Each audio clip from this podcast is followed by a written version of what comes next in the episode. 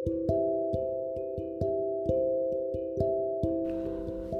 Bapak Ibu, saudara-saudara yang dikasih oleh Tuhan. Kembali kita akan mendengarkan firman Tuhan.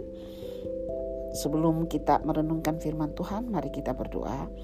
Bapa, kami menyerahkan renungan hari ini ke dalam tanganmu. Terima kasih buat hari yang baru yang telah Engkau berikan. Dan kiranya firman-Mu yang akan kami dengar menjadi kekuatan baru bagi kami dalam menjalani hari-hari yang Engkau anugerahkan kepada kami. Berbicaralah ya Bapak karena kami siap mendengarkan. Dalam nama Yesus kami berdoa. Amin. Bapak Ibu Saudara-saudara yang dikasih oleh Tuhan, renungan kita hari ini tiba di Yesaya pasal 18 dan Yesaya 18 ini adalah ucapan ilahi terhadap bangsa Ethiopia. Ya kita telah mendengar uh, serial renungan mengenai ucapan ilahi bangsa-bangsa beberapa saat yang telah lewat dan kita tiba kepada ucapan ilahi yang ditujukan kepada bangsa Ethiopia. Nah, di dalam uh, ucapan ilahi atau nubuat ini terdiri dari tiga bagian besar. Ya, yang pertama adalah uh, ucapan celaka, lalu kemudian uh, sikap yang seharusnya me meresponi penghukuman Tuhan. Jadi ucapan celaka ini menunjukkan penghukuman Tuhan yang segera akan terjadi dan kemudian kita akan melihat bahwa respon yang benar justru akan membawa kepada penyembahan di dalam ayat yang ketujuh. Namun sedikit informasi mengenai bangsa Ethiopia. Bangsa Ethiopia secara geografis ada di daerah Afrika dan gambaran di dalam ayat 2 itu sangat jelas sampai hari ini pun itu adalah gambaran secara fisik dari orang-orang Ethiopia bangsa yang jangkung dan berkulit gelap. Nah, di dalam bagian ini Bapak Ibu eh, didahului ayat 1 dan ayat 2 didahului dengan kata wahai. Wahai itu bisa diterjemahkan juga sebagai celakalah ya.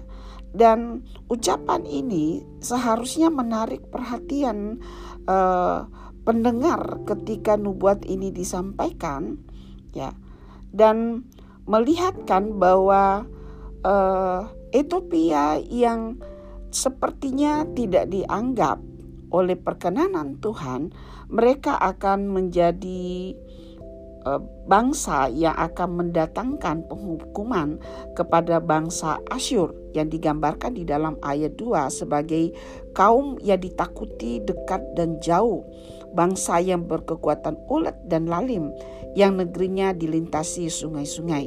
Ya, kita tahu bahwa Ef, uh, Efrat dan Tigris adalah sungai yang mengairi daerah-daerah Asyur dan ketakutan bangsa-bangsa kepada orang-orang Asyur nampaknya berakhir atas perkenanan Tuhan dan memakai orang-orang Ethiopia untuk menyatakan hal demikian. Nah, Bapak Ibu saudara-saudara yang dikasih oleh Tuhan, orang-orang uh, Ethiopia kalau kita merunut kepada sejarah orang Israel, mereka memiliki kedekatan oleh karena hubungan antara Ratu Sheba dengan Raja Salomo Secara tradisi dikatakan bahwa mereka melakukan pernikahan dan menghasilkan anak. Sampai hari ini pun eh, orang-orang bangsawan di Ethiopia mengklaim bahwa mereka adalah keturunan dari Raja Daud melalui Raja Salomo. Dan uh, dalam hal ini kita melihat bahwa mereka itu akan menjadi alat untuk menaklukkan atau menjadi bagian dari berhentinya kekuatan dari bangsa Asyur. Ya, bangsa Asyur berpikir bahwa mereka akan selama-lamanya jaya, mereka akan selama-lamanya berkuasa. Tetapi melalui hal ini kita belajar satu hal, bangsa-bangsa bangkit dan runtuh itu ada di dalam perkenanan Tuhan. Ya. Dan ini mengajarkan kita bahwa kita tidak boleh menaruh kekuatan kita ya. Kita tidak bisa mengandalkan kekuatan kita dan berpikir bahwa dengan kekuatan kita eh, kita bisa menjalani hidup kita, kita bisa menghadapi seluruh apa yang akan terjadi. Oleh karena kita sebenarnya tidak tahu apa-apa yang akan terjadi dan Tuhan tahu itu.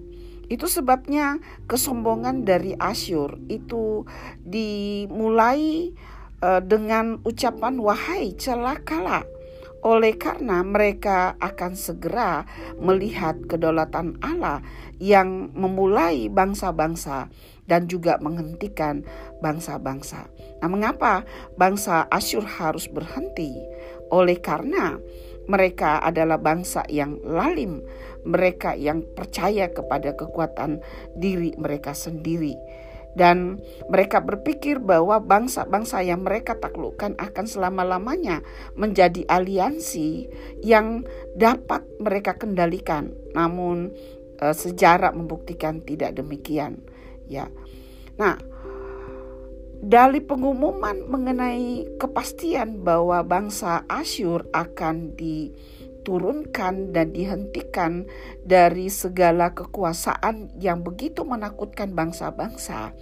Dan yang ajaibnya adalah bahwa orang-orang Ethiopia yang tadinya tidak dianggap ini akan masuk ada andil di dalam kejatuhan dari bangsa Asyur dan ini ada di dalam kedaulatan Allah. Dan ini juga menjadi catatan bagi orang-orang yang mungkin uh, mendapat kesempatan dipakai oleh Tuhan untuk melihat bahwa kesempatan itu hal mereka bisa dipakai, hal mereka uh, menjadi alat tidak boleh menjadi alasan bagi mereka untuk menyombongkan diri mereka. Oleh karena itu ada di dalam kehendak Tuhan.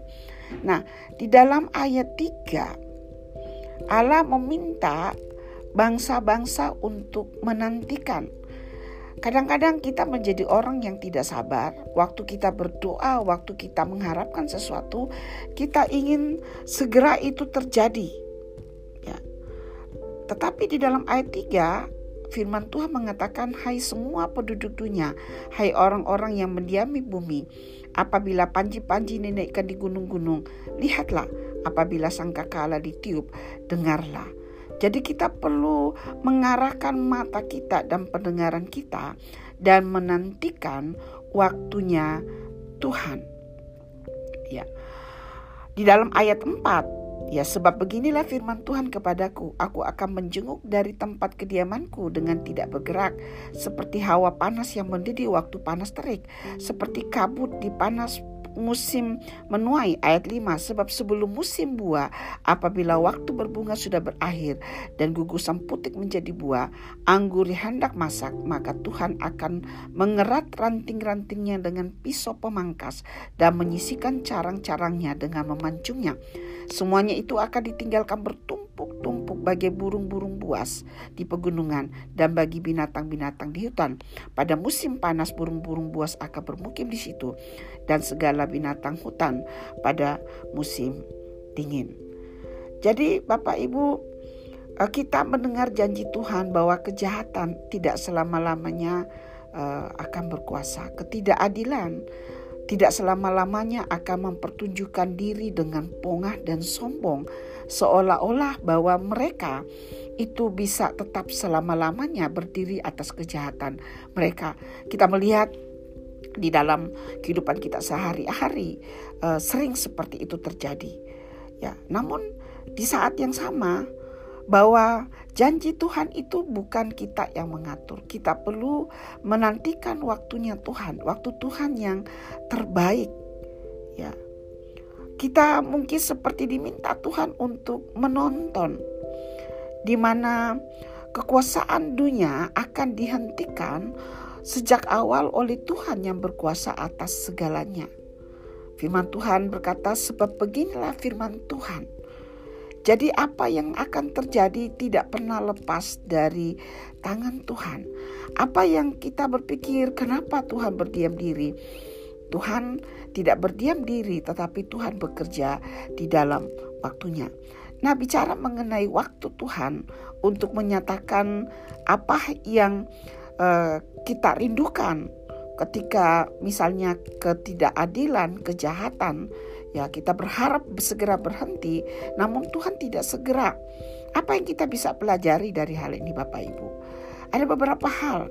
Yang pertama bahwa Tuhan terlibat sepenuhnya dari tahta mulianya di atas.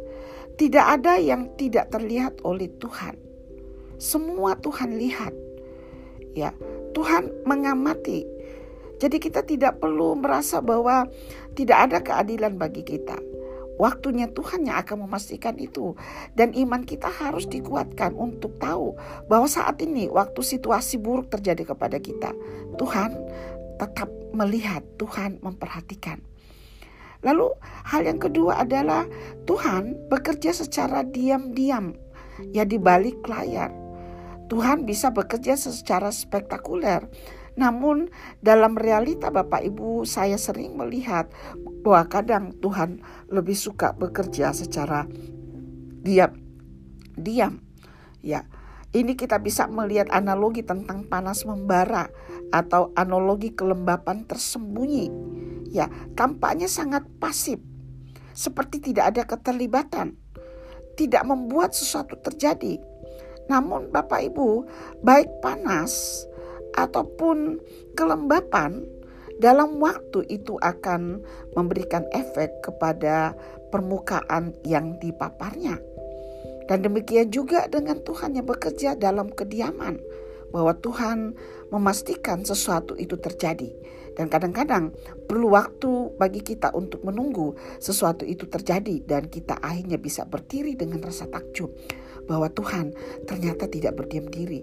Tuhan tidak berhenti bekerja, Dia bekerja dalam ketersembunyian dalam kediaman untuk memastikan bahwa kita iman kita bukan kepada apa yang terlihat tetapi iman kepada Tuhan yang berfirman bukankah Ibrani pasal 11 ayat 1 dan 2 ya mengatakan bahwa iman adalah bukti dari yang tidak kita lihat.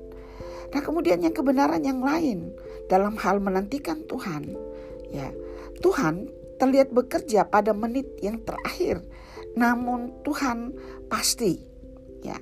Jadi di dalam mempercayai Tuhan, kita kadang-kadang diberikan kejutan di akhir dari cerita pergumulan kita. Namun dari pengalaman-pengalaman kita, kita bisa mengamini Tuhan bekerja dalam ketepatan waktu. Amin Bapak Ibu. Dan kemudian Tuhan memastikan bahwa uh, Tuhan yang sudah bekerja dalam e, ketersembunyian, dalam kediaman, dan kadang-kadang memberi kejutan, Allah itu akan terus bekerja memastikan bahwa kejahatan ini akan tersingkir. Dan ini adalah sebuah iman yang sifatnya eskatologis. Ketika dunia sejarah berhenti, di situlah sungguh-sungguh penyingkiran kejahatan itu terjadi. Nah, dari sikap batin seperti ini Bapak Ibu dari hal melihat kepastian ucapan celaka kepada kejahatan di dunia ini membangkitkan iman kita untuk menantikan Tuhan dan melihat uh, sisi lain dari Tuhan yang kita sudah dengarkan tadi. Tuhan memastikan kepada kita bahwa dia memperhatikan kita. Dia bekerja dalam kediaman, dia bekerja dalam kepastian, dia tidak pasif, dia aktif di dalam sejarah. Nah, kemudian seharusnya ini akan membawa kepada sikap hati yang benar seperti yang diberikan kepada orang-orang Ethiopia. Ya, ayat 7. Pada waktu itu juga persembahan akan disampaikan kepada Tuhan semesta alam dari kaum yang jangkung dan berkulit mengkilap. Dari kaum yang ditakuti dekat jauh yakni bangsa yang berkekuatan ulet dan lalim yang negerinya dilintasi sungai-sungai ke tempat nama Tuhan semesta alam yaitu Gunung Sion.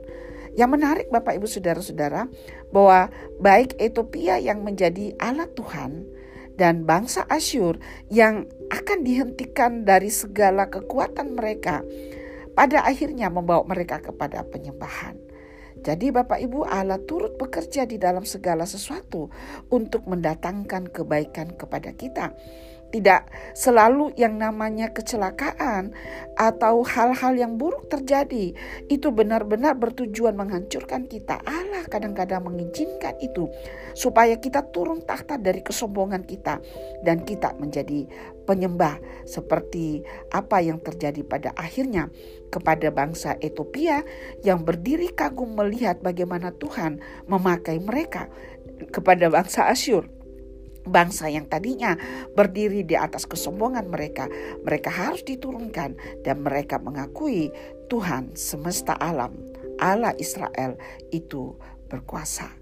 Jadi eh, penyembahan seharusnya menjadi akhir dari seluruh peristiwa yang Tuhan izinkan terjadi dalam hidup kita. Apakah itu sesuatu yang baik atau apakah sesuatu itu yang buruk yang kita tidak bisa terima, yang kita mungkin mempertanyakan kepada Tuhan. Tetapi waktu kita merespon dengan benar, kita menantikan Tuhan, maka hati kita akan dibawa kepada penyembahan. Kiranya Bapak Ibu akan menjadi penyembah-penyembah sejati dan mengizinkan Tuhan akan menyatakan kekuasaannya di dalam segala hal hal yang baik ataupun hal yang buruk. Tuhan memberkati Bapak Ibu. Selamat pagi. Shalom.